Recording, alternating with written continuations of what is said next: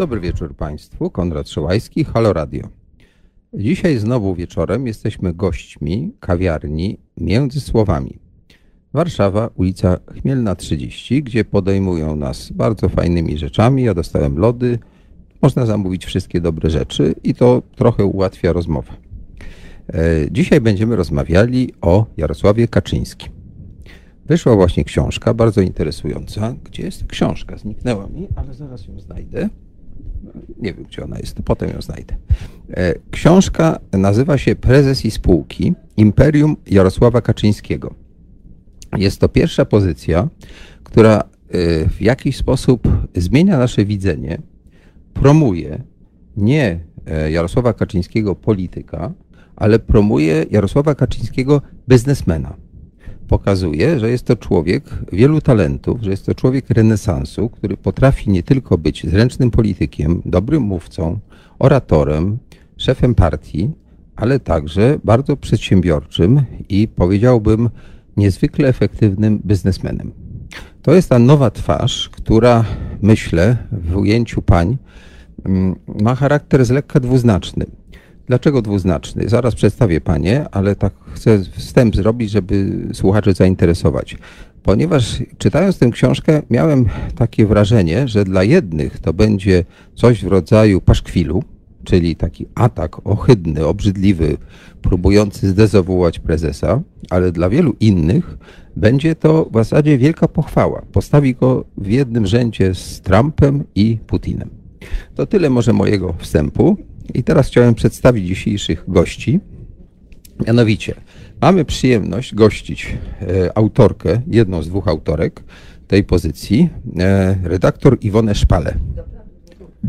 E, Do mikrofonu. Dzień dobry, dzień dobry, obok mnie druga autorka.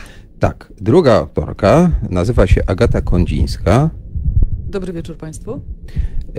I jako, że ja nie jestem historykiem, nie jestem politologiem, tylko prostym reżyserem, pozwoliłem sobie zaprosić mojego starego znajomego, znaczy on jest młodszy ode mnie, żeby było jasne, e, profesora Antoniego Dudka.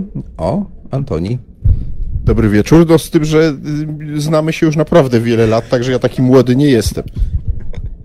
Tak, ale ja poznałem Antoniego jeszcze jak był studentem. Ja już wtedy byłem po studiach chyba. Tak, tak. No niestety jestem kilka lat starszy, ale czuję się młodszy. Ja nie jestem profesorem, ja jestem prostym doktorem. Natomiast tutaj mamy do czynienia z profesorem belwederskim. Ja tytuł magistra. A ja podstawówka. No dobrze. Yy, Proszę Państwa, najpierw jeszcze może takie ogłoszenia parafialne. Mianowicie chciałem podziękować wszystkim słuchaczom za to, że w ogóle nas słuchają, bo jest mnóstwo innych stacji, no ale ta jest na pewno najciekawsza, szczególnie jak ma takich gości. Ale także chcę grzecznie przypomnieć, że ci, którzy słuchają, mogą też się zastanowić, czy nas nie wesprzeć, ponieważ y, musimy korzystać y, z Waszej szczodrości, bo inaczej nas nie będzie. Nie będziecie słuchali nie tylko mnie, no to jest takie dosyć banalne, ale także pani redaktorek albo profesora Antoniego Dudka, który jest tutaj gościem dość często, że tak powiem, widziany. I myślę, że warto go zapraszać, ale się nie da, jak nie będziecie nam po prostu wpłacać choćby małych kwot. Za co z góry bardzo dziękuję. Wszelkie informacje, jak to zrobić, są na stronie. Ten wstęp, myślę, ma taki troszkę biznesowy charakter i to dobrze nas ustawia w tej dyskusji, którą za chwilę będziemy przeprowadzali. Ale najpierw chcę powiedzieć, że ja miałem przyjemność znać obu braci Kaczyńskich. E, Żyję już na tyle długo, jako człowiek e, wychowany jeszcze w PRL-u, jak wielu zresztą współpracowników Jarosława Kaczyńskiego i on sam, e, że w 1989 roku miałem honor być gościem w mieszkaniu Lecha Kaczyńskiego. I pamiętam dobrze, że Lech Kaczyński, wówczas wiceszef Solidarności, jeśli się nie mylę, e, tłumaczył mi arkana jego pracy. Ja wtedy pracowałem dla BBC i wyjaśniał, jak ważne jest to, żeby uwłaszczyć komunistyczną nomenklaturę, że to jest jego praca.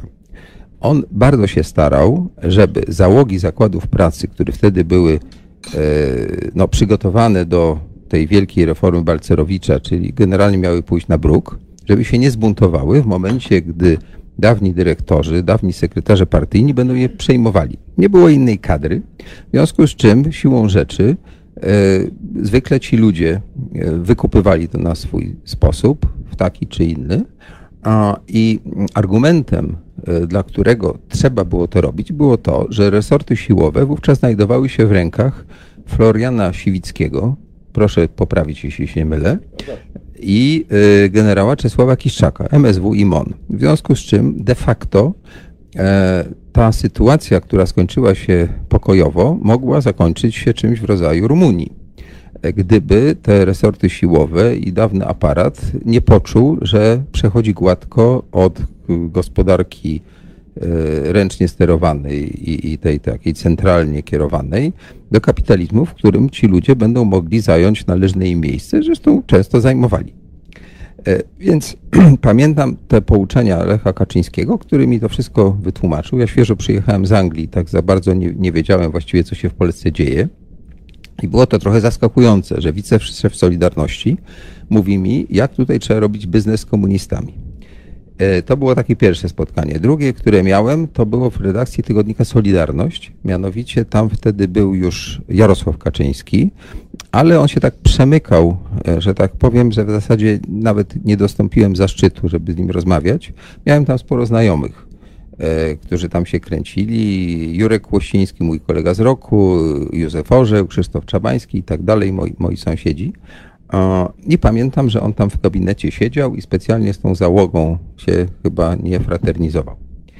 E, No, a potem ja pokazałem to wszystko, co zobaczyłem w filmie Człowiek z. Mogą Państwo go sobie obejrzeć i tam jest pokazany ten proces właśnie przechodzenia od, a, jakby to powiedzieć, no, dawnego systemu do nowego. To tyle mojego wstępu, żeby pokazać, że ja to wszystko własnymi oczami widziałem, więc jestem takim żywym świadkiem historii, w razie czego Antoni mogę tutaj być takim człowiekiem, który ci będzie opowiadał te baśnie z muchu i paproci. A teraz chciałem, żeby panie posłuchały opinii, recenzji, bo próbowałem znaleźć recenzję e, i w oczywisty sposób wszystkie głosy po stronie tej takiej agorowej, czyli Agora, Gazeta Wyborcza, Newsweek i tak dalej, i tak dalej, są raczej entuzjastyczne w stosunku do waszej książki, że tutaj odkryłyście coś niezwykłego, mianowicie, że Kaczyński jest wielkim biznesmenem. Natomiast nie mogłem znaleźć niczego ciekawego po prawej stronie, bo właściwie niczego chyba nie ma. Poprawcie mnie, jeśli. Yy, ale ja nie znalazłem. Googlowałem cierpliwie, nawet przed chwilą. I jeden z moich znajomych, ja mam znajomych po obu stronach barykady, napisał tak. Zastanawiam się, czy środowisko Gazety Wyborczej jest tak głupie, czy tak bezczelne, że w ciągu paru lat zmienia narrację na temat Jarosława Kaczyńskiego o 180 stopni. To jest znak zapytania. Do niedawna usiłowali kreować go na niesamodzielnego nieudacznika, który rzekomo nie ma konta w banku, nie potrafi zadbać o swoje otoczenie, jest zależny od mamy i tak dalej.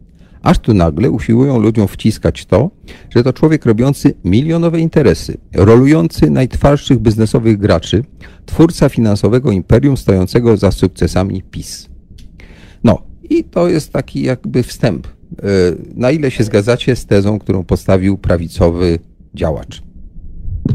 A to jest jaki prawicowy działacz? E, No, Kto to jest? to jest nazwisko mojego znajomego, chyba mogę podać. A, ale nie, czy to nie jest jakaś publiczna recenzja, tak? Y, y, Na Facebooku, Ogólno- czyli dostępne. ogólnodostępne, to był, nie wiem czy dalej jest asystent jednego z posłów PiSu, mm, pan Szymon Sary.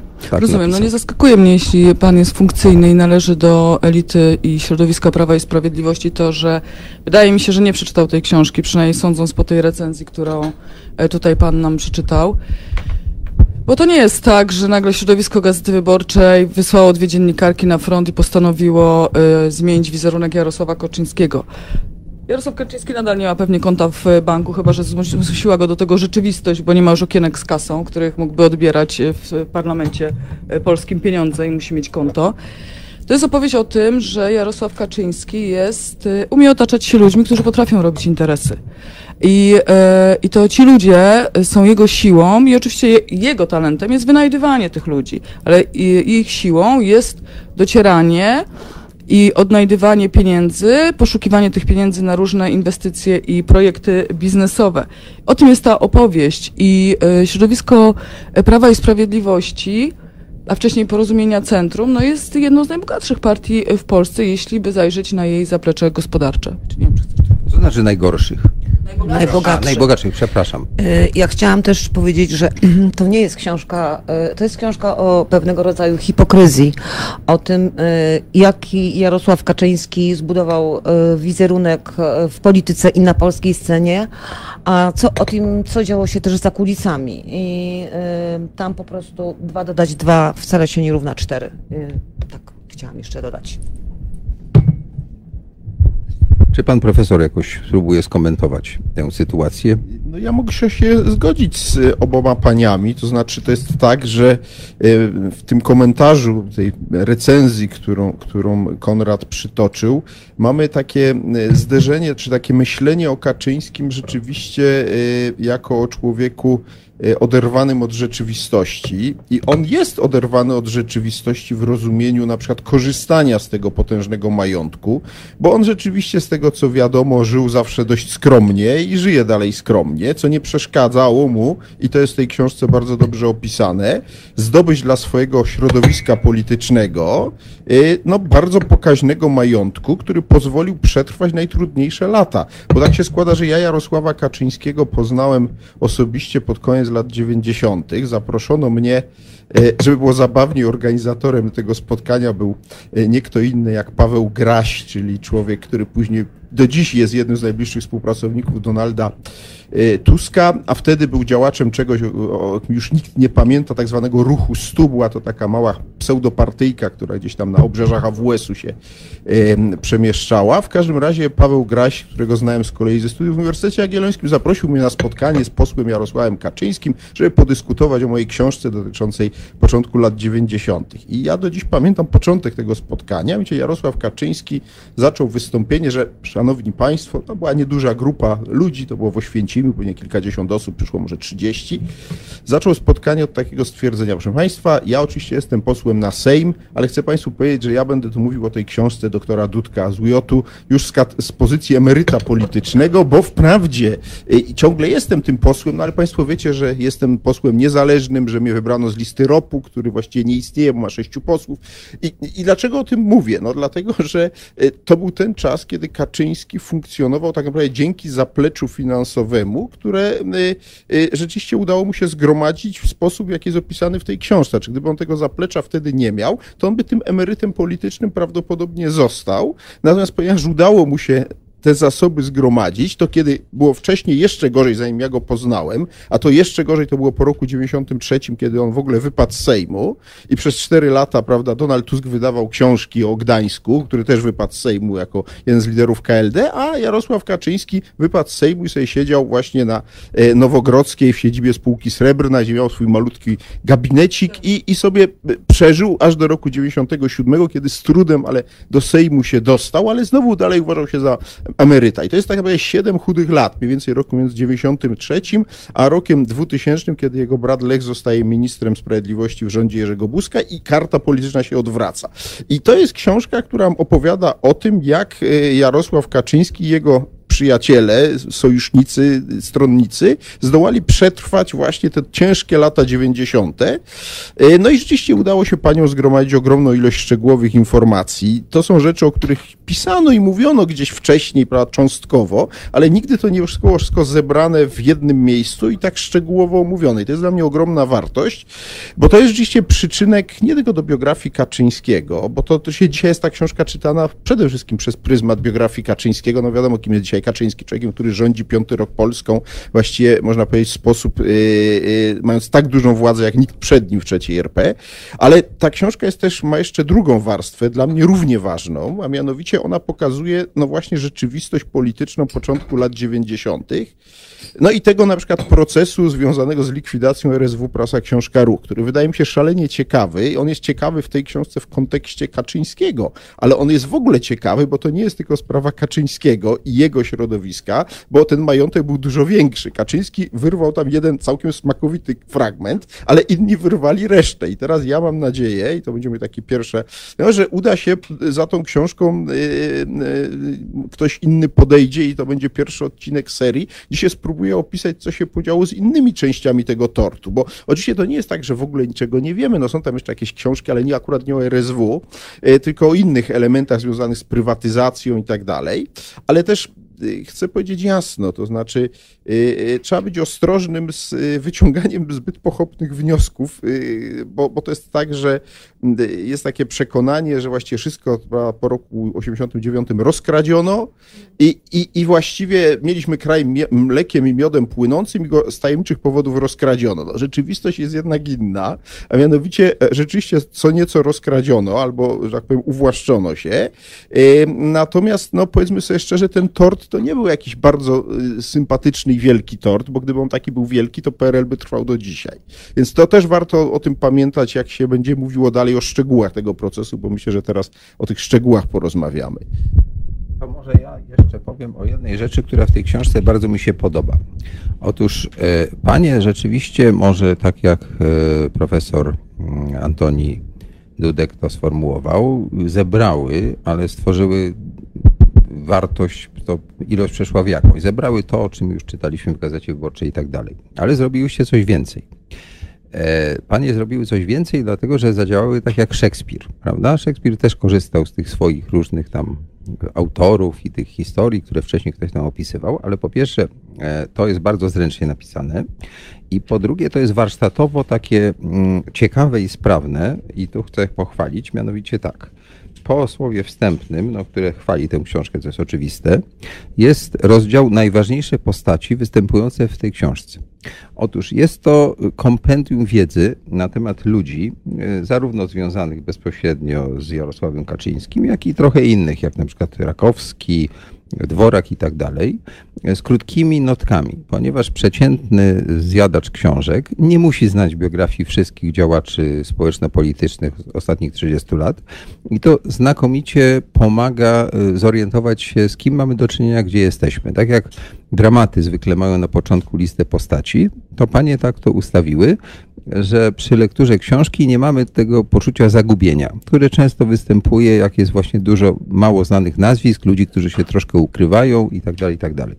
Druga dobra rzecz, którą panie zrobiły, zrobiły więcej dobrych rzeczy, ale ja na razie mówię o, na razie mówię o tych dwóch, to jest to, że przedstawiły kalendarium wydarzeń. I to jest druga mapa drogowa. Pierwsza określa, że tak powiem, kto, a druga kiedy i co.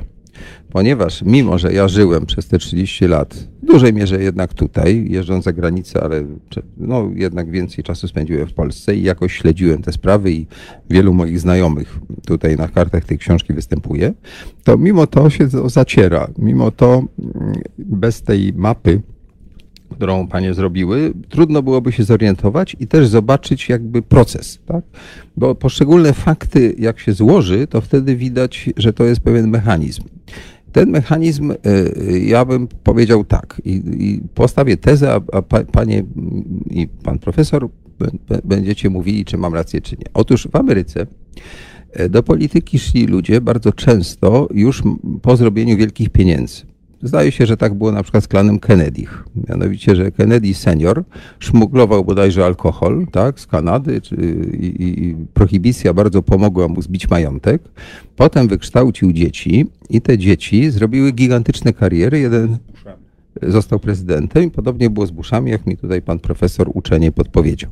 E, W jaki sposób pokazał to e, reżyser Francis Ford Coppola e, w filmie Godfather w Ojcu Chrzestnym, szczególnie w tej części, w której pokazuje, jak Al Pacino próbuje ten biznes oparty na narkotykach, prostytucji, różnych takich brzydkich sprawach przełożyć na e, Las Vegas, kasyna gry, no takie też troszkę szemrane, ale jednak już legalne interesy. Otóż w Polsce, w PRL-u, no było trochę fortun, ale generalnie rzecz biorąc, no nie było takich majątków i nie było możliwości tworzenia partii politycznej poza PZPR-em, który właśnie miał ten cały wielki aparat i z tego korzystał. E, I teraz moje pytanie jest takie, czy tylko Jarosław Kaczyński e, zorientował się, że tak jest, e, bo mm, w- m, no, słusznie panie skupiły się na jednej postaci, jednej formacji, tak? Ale jak ja to czytałem, to miałem takie poczucie, że rzeczywiście to trochę jak biografia Kennedy czy Busha i tutaj Szapoba. Natomiast jak jest właśnie z innymi? Usłyszałem przed chwilą, że Donald Tusk wydawał jakieś książki. To chciałbym, żebyśmy to spróbowali rzucić na tło. Czy rzeczywiście Jarosław Kaczyński jest takim ojcem chrzestnym i no, wyjątkową postacią, czy też ci inni też to robili tylko jakby ciszej, ciszej jedziesz, dalsze budiesz i tak dalej. Oddaję już głos. Nie wiem, co to są ci inni. y, Trochę chciałam sobie trosze... chciałam... Nie, nie, nie, chciałam troszeczkę uporządkować. Bo y, y, jeżeli mamy mówić o tych innych, to tylko i wyłącznie proponowałabym o partiach y, klucza postsolidarnościowego, bo co, co chodzi, jeżeli chodzi o SLD, komu- komunistów, to rozumiem, że do nich się nie, nie przykładało żadnych standardów i oni mogli dzia- działać jak chcieli, tak? I robili to, co chcieli. Na, nie- w ogóle to nas nie interesowało. Nie interesowali nas również ci inni, ponieważ nie wiem, czy pan profesor się ze mną zgodzi, najwyżej dostanę burę, ale wydaje mi się, że jeżeli chodzi o majątek RSW, to żadna z formacji politycznych, a przecież y, Porozumienie Centrum nie było największą formacją, tak dużo nie skorzystała na likwidacji, ponieważ to był nie tylko tytuł, ale były to cztery nieruchomości. Eee, nie wiem, z tego co sprawdzałyśmy, wydaje mi się, że żadna z partii nie korzystała z nieruchomości po RSW. Eee, z tych nieruchomości czterech, jedna została przejęta za darmo. Jest to, są to Aleje Jerozolimskie w ramach tam różnego rodzaju rozliczeń, jakich to już nie ma sensu mówić, to Państwo przeczytają w książce czy są wiarygodne, czy nie, też do oceny. Więc ja stawiam taką tezę, że największym beneficjentem e, e, e, podziału RSW z partii postsolidarnościowych jest porozumienie centrum. Ja już, już panu profesor, nie, panu profesorowi zaraz oddam głos, tylko y, chciałam powiedzieć, że to jest trochę tak, że my się skupiłyśmy na, y, ta książka powstawała dwa lata, bo y, naprawdę dużo trzeba było zebrać materiałów, wiele źródeł, y, przejrzeć, do wielu rozmówców dotrzeć i wielu, z wieloma osobami nie zdążyłyśmy porozmawiać, bo, bo zmarły w trakcie, kiedy pisałyśmy tę książkę, to, to wiele osób musiałyśmy zmuszać też, żeby otworzyli szuflady w mózgu, bo nie, nie każdy chciał wracać do wspomnień sprzed 30 e, lat, tak? I, i e, to, było, e, to, było, to było trudne. Myślę, że przekleństwem polskiej polityki jest tak, że idą, nie idą do niej e, ludzie już majętni, ludzie, którzy mają, dorobili się czegoś w życiu, bo bo potem nie potrafią oddzielić życia publicznego od, od tego życia politycznego i mamy przykłady po prostu uzurpacji w spółkach, mamy przykłady obsadzania ze szkodliwością dla państwa e, funkcjonariuszy z klucza politycznego w spółkach Skarbu Państwa, niekoniecznie menadżerów i tak dalej, i tak dalej. Ale to jest do wątku a propos e, tych fortun, których e, w polskiej polityce jest jakby troszeczkę mniej. Oczywiście mamy przykłady przecież bogaczy. Mamy senatora Biareckiego, który, e, który wszedł i też próbował swoich sił na, e, na rynku e, prasowym i nadal e, próbuje. Ale co do RSW i tych innych i tak e, dalej, to sprawdzałyśmy i rzeczywiście nikt, e, jeśli nawet e, e, KLD, które gdzieś jest posądzane o to, że zogniskowało się wokół życia Warszawy, no oni nie dostali żadnego e, budynku, tak? Oni nie dostali żadnej nieruchomości, nie kupili. A tutaj e, przy Fundacji Prasowej Solidarności była cała akta, e, cała seria, przepraszam, aktów e, notarialnych, e, plus e, całe księstwo e, Siwka dzisiaj, e, byłego bardzo bliskiego współpracownika Jarosława Kaczyńskiego, które mieści się na Ordona, to są tysiące metrów kwadratowych do wynajęcia, e, po- są z podziału RSW. Żadna inna partia takich nieruchomości nie miała. Proszę bardzo, pan profesor chciałby widzę tutaj odpowiedzieć tam. Nie, y, już, znaczy ja powiem w ten sposób, y, bo pani mówiła o wielu sprawach, się skoncentrować na tej kwestii rzeczywiście parcelacji y, tak zwanego RSW, czyli wyjaśnimy, bo część słuchaczy może nie wiedzieć, to ja powiem dwa słowa, co to była. To jest skrót RSW, to jest skrót od Robotnicza Spółdzielnia Wydawnicza Prasa Książka Ruch, to jest pełna nazwa, to był taki super koncern stworzony w czasach rządów komunistycznych, który był niemal monopolistą na rynku prasy, wydawał ponad 200 tytułów, miał drukarnię, y, miał, miał y, oczywiście największe wydawnictwo książkowe, czyli wydawnictwo Książka i Wiedza. Słowem był takim super koncernem wydawniczym, który od początku lat 70., kiedy w czasach Gierka uznano, że y, niezręcznie jest tak brać wprost na potrzeby partii pieniądze z budżetu, to żeby to było tak bardziej nowocześnie, to partia sobie przyznała RSW i odtąd przez długie lata czerpała główną część swoich korzyści nie wprost z budżetu państwa, tylko z zysków RSW. No i kiedy partia zakończyła szczęśliwie swój żywot w styczniu 90 roku, powstał problem, co zrobić z RSW i tutaj najpierw ruch próbowała, i to w pani książce jest oczywiście opisane, e, próbowała wykonać socjaldemokracja RP jako spadkobierca PZPR, ponieważ przejęła znaczną część pieniędzy skąd PZPR i sporo ruchomości, a także niektóre nieruchomości, chciała położyć łapę na e, majątku RSW i tu rząd Mazowieckiego wykazał się wyjątkowo, powiedziałbym, stanowczością, której w innych sprawach jednak mu brakowało. E, i e, zablokował. Została przyjęta ustawa w trybie, zupełnie też to opisane w książce, e, takim ekspresowym, dosłownie w ciągu kilku dni napisano projekt ustawy, ustawę przyjęto i ta ustawa sprawiła, że odtąd już rząd Mazowieckiego i powołał komisję likwidacyjną RSW i ta komisja likwidacyjna na czele z panem Drygalskim zaczęła dzielić majątek. I tu się rzeczywiście zaczyna y, jazda bez trzymanki. Ja też ostatnio pisałem o, o tej sprawie y, w mojej z książce od Mazowieckiego do Suchockiego, pierwsze rządy wolnej Polski. I to jest rzeczywiście y, coś niebywałego, co tam się działo. To znaczy w tym procesie likwidacji, mówiąc krótko, tam rzeczywiście dzielono tytuły prasowe po uważaniu.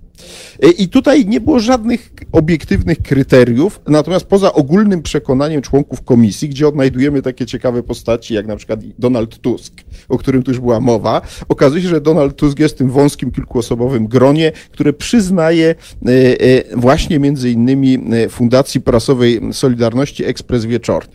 I wie, większość z tych tytułów...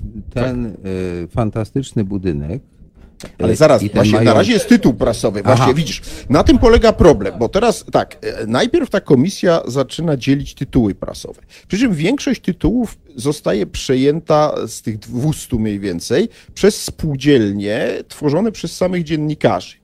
I tutaj oczywiście najbardziej spektakularnym przykładem jest tygodnik Polityka, e, który po prostu zespół redakcyjny tworzy spółdzielnię i ta spółdzielnia przejmuje tytuł prasowy. No, jak wiemy, bardzo intratny to jest dziś główny tygodnik informacyjny.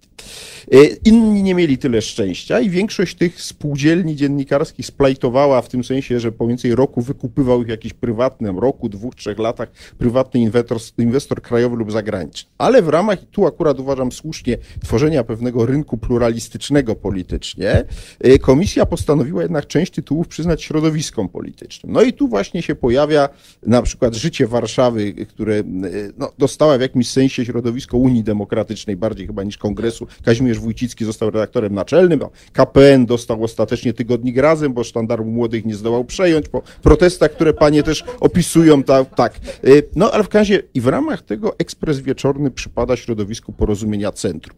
I do tego momentu właściwie w tej historii można powiedzieć, że kulawo, bo to wszystko było na zasadzie tych znamy lepiej, to im damy więcej, a tych znamy gorzej, to, to tym damy mniej, ale to jeszcze wszystko się jakoś mieści w warunkach, y, powiedziałbym, takiego chaosu i żywiołowego procesu, y, no właśnie rozdzielania tych tytułów prasowych. Tyle tylko, że rzeczywiście później następuje drugi etap, i tu zgadzam się z paniami, że w tym drugim etapie już nie chodzi tylko o tytuły prasowe, ale też chodzi w przypadku tego konkretnego jednego, e, jednej operacji, czyli właśnie e, e, środowiska, znaczy tego Fundacji Prasowej Solidarności, czyli tego środowiska Kaczyńskiego, oni dostają już nie tylko tytuły prasowe, ale dostają kilka nieruchomości.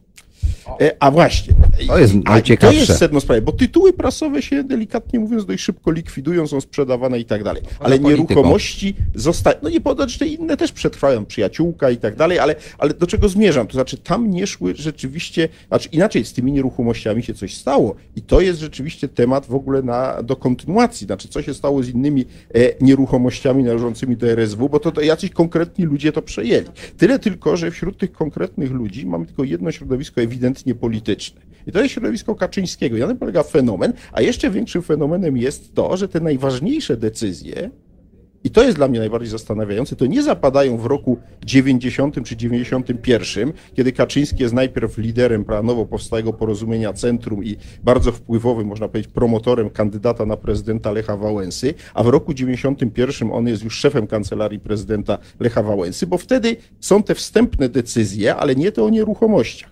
Że dla mnie fenomenem jest to, że decyzje o tym, żeby ostatecznie Fundacja Prasowa Solidarności stała się właścicielem tych nieruchomości, zapadają w latach latach 93-94, a zatem wtedy, kiedy Kaczyński jest już de facto poza Sejmem, tak? Po, y, albo jest, kończy się jego rola polityczna, bo już nie, ma, nie, nie- jest reprezentowany w rządzie Suchockiej, y, a później już w ogóle nie jest w Sejmie, bo, bo, bo jego partia nie wchodzi do Sejmu w 93 roku i w 94-5 roku, kiedy kolejne decyzje zapadają, notarialne decyzje, prawda, o przyznaniu, y, Kaczyński jest w istocie że zmarginalizowany politycznie. I dla mnie fenomenem jest, i to jest zagadka, na które panie nie udzielacie odpowiedzi, ale to właśnie, jak to jest, że wtedy, kiedy Kaczyński się wydaje kompletnie osobą e, politycznie zmarginalizowaną, ale co więcej, w ramach tej marginalizacji człowiekiem w śmiertelnym konflikcie z urzędującym ciągle prezydentem Wałęsą i rzeczywiście wtedy działa pułkownik Lesiak, ma miejsce też różne działania. Otóż ten Kaczyński, który z jednej strony jest przez tego Lesiaka ewidentnie rozpracowywany, tam jest ta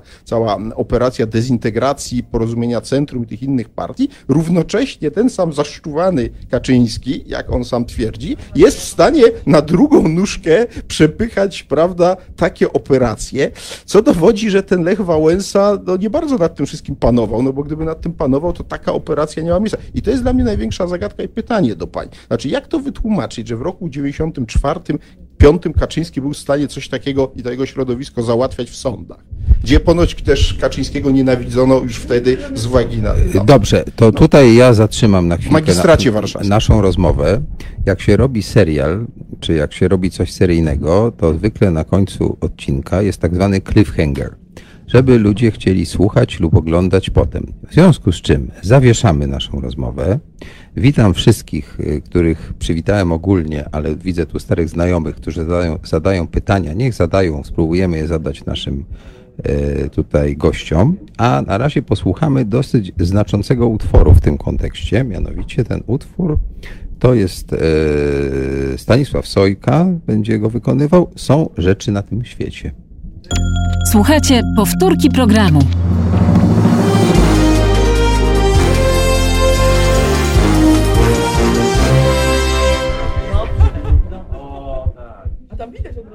Tak, tak, cały czas się wam pokazuje. A nie pytań to nie czytałem, mówiąc szczerze. Ja mogę wodę? Jesteśmy. Ja też będę chciał wodę. Koledzy, jesteśmy.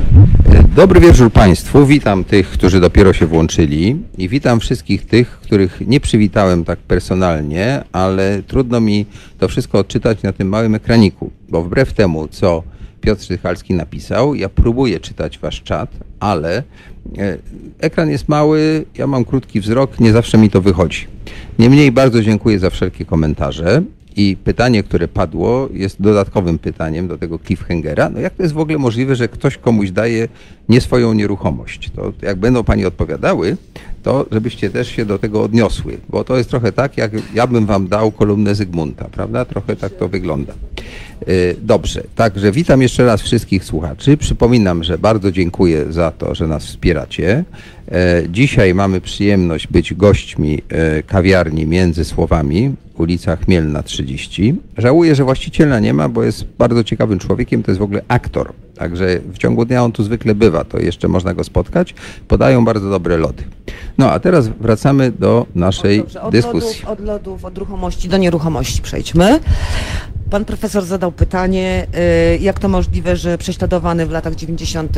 chyba najbardziej ze wszystkich? Znaczy w Poli- 93, trzecim, czwartym roku. czwartym, tak, tak, tak. Nie, nie, chciałem tylko przypomnieć naszym słuchaczom, bo pytanie jest takie, ta zasadnicza decyzja o uwłaszczeniu nieruchomościami po RSW środowiska Fundacji Prasowej Solidarności zapada w latach 93-95, kiedy Kaczyński jest już na politycznym wylocie. Już wszystko tłumaczę, więc tak. Po pierwsze, mm, zacznijmy od momentu, w którym mm, ekspres wieczorny jest kupowany przez e, Fundację Prasową. Następnym ruchem e, e, Fundacji Prasowej, czyli Kaczyńskiego i Siwka, bo to oni są głównymi tam rozdającymi karty, jest też Maciej Zalewski, trochę postać teraz zapomniana, Siwek zresztą też. Dobrze, ale bez dygresji. E, Jest dzierżawa. Dzierżawa całego budynku, słynnych alej jerozolimskich, czyli tego biurowca, który stoi jakby na przodzie całej działki, gdzie z tyłu mamy słynną siedzibę na Nowogrodzkiej y, prezesa Kaczyńskiego i PiSu. To, to jest biurowiec. I Ekspres Wieczorny jest tylko jedną z redakcji, która tam urząduje. Dziękujemy ale. Fundacja Prasowa Solidarności bierze wszystko. Czyli bierze cały, cały budynek w dzierżawę. Eee, kupują również, kupują tym razem, panie profesorze, kupują za 22 miliardy starych złotych e, to, co jest z tyłu, czyli Nowogrodzką. Kupują również na przetargu e, Srebrną i Ordona. Z tym, że to są takie Nowogrodzka to nie była drukarnia? drukarnie. Była. Tak. I to zostało potem przekształcone Z tym, w tą są, główną z tym, że, z tym, że to są takie, z tym, że to są takie przetargi, że niestety nie ma chętnych, tylko jest chętna Fundacja Prasowa Solidarności, więc idzie po cenie y, y, biegłego. Jedyne, czego nie kupili, to jest właśnie Nowogrodzka. E, Przepraszam, to, jest, to są aleje. Posz, zostały oddane im za darmo. Oni donieśli rachunki, e, z których miało wynikać, że tak potężne nakłady y, y, były, że to właściwie się zjada. I teraz tak. Czyli to usprawiedliwiało ten dar, Nie, tak? to nie koniec, bo był grunt. Grunty. Grunty były cały czas skarbu państwa. E, I to w takich procesach to nie jest tak, że to jest raz i dwa, tylko to się do tego przygotowywano, a żeby to zrozumieć, trzeba sięgnąć z kolei do ustawy Glapińskiego. Nie wiem, czy mam tutaj ją tłumaczyć. E, No generalnie chodziło o to, że Oj, no to nie wiem jak to wytłumaczyć. Yy, mm, najprościej, może powiem tak. Yy, to była ustawa przygotowana dla spółdzielni mieszkaniowych. Chodziło o to, że żeby można było przejmować mm, grunty bez przetargów. Ale tam pod tą, pod, tą, pod tą ustawę została podciągnięta Fundacja Prasowa Solidarności jako następczyni, następczyni RSW. I ponieważ RSW jako spółdzielnia mieszkaniowa, no, użytkownicy też tam byli, tak, e, no, na dzień tam, już nie będę mówiła który, tak, no, mogła się wykazać posiadaniem e, tego gruntu, no to ponieważ e, nagle Fundacja Prasowa została spadkobierczynią tego RSW, no to potem już nastąpiły procesy uwłaszczenia. I nie miało to w tym kontekście znaczenia, czy Kaczyński był na topie, czy był na, ni na nizinie. To wszystko było jakby przygotowane wcześniej. Cały proces. Wystarczyło tylko pójść do urzędu, dobrze napisać wniosek, a został napisany dobrze. Iwono, przerwę ci, przerwę ci na momencik. E, Czasem jakbyś spojrzała na naszego realizatora, to bardzo byś mu pomogła. Przepraszam pana bardzo. Przepraszam, przepraszam. Przepraszam, bo tam. tu- Bo, Bo tutaj ale tak- no nie mogę tak mówić do słuchacza, Nie, jak nie, do pana profesora. ra, bo- raz do profesora z O, szacunkiem, a raz do Ja cały słuchaczy czas właśnie także z chodzi o mój szacunkiem. szacunek wielki i naprawdę ja dlatego jestem, tak się zachowuję. No, tak, tak, czy, przepraszam, czy chodziło o do, do którego urzędu, tak? Tak.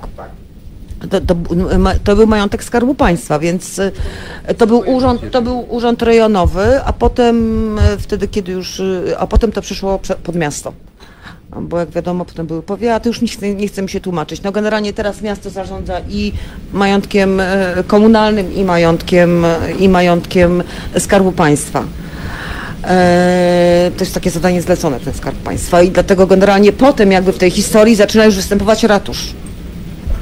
Natomiast na tym etapie to było, nie wiem czy to wyjaśniłam, to strasznie skomplikowane, ale no, chciałam powiedzieć dlaczego, bo to nie jest takie łatwe. Ale czy to jest trochę tak? y, Ja na chwilę się wtrącę, proszę poprawić, jeśli to nie będzie precyzyjne, co powiem, ale to mi się trochę kojarzy z komisją e, mieszaną, tą państwowo-kościelną, majątkową, w której decyzje były takie trochę, mimo że ta kościelna była jakby, prawem kaduka.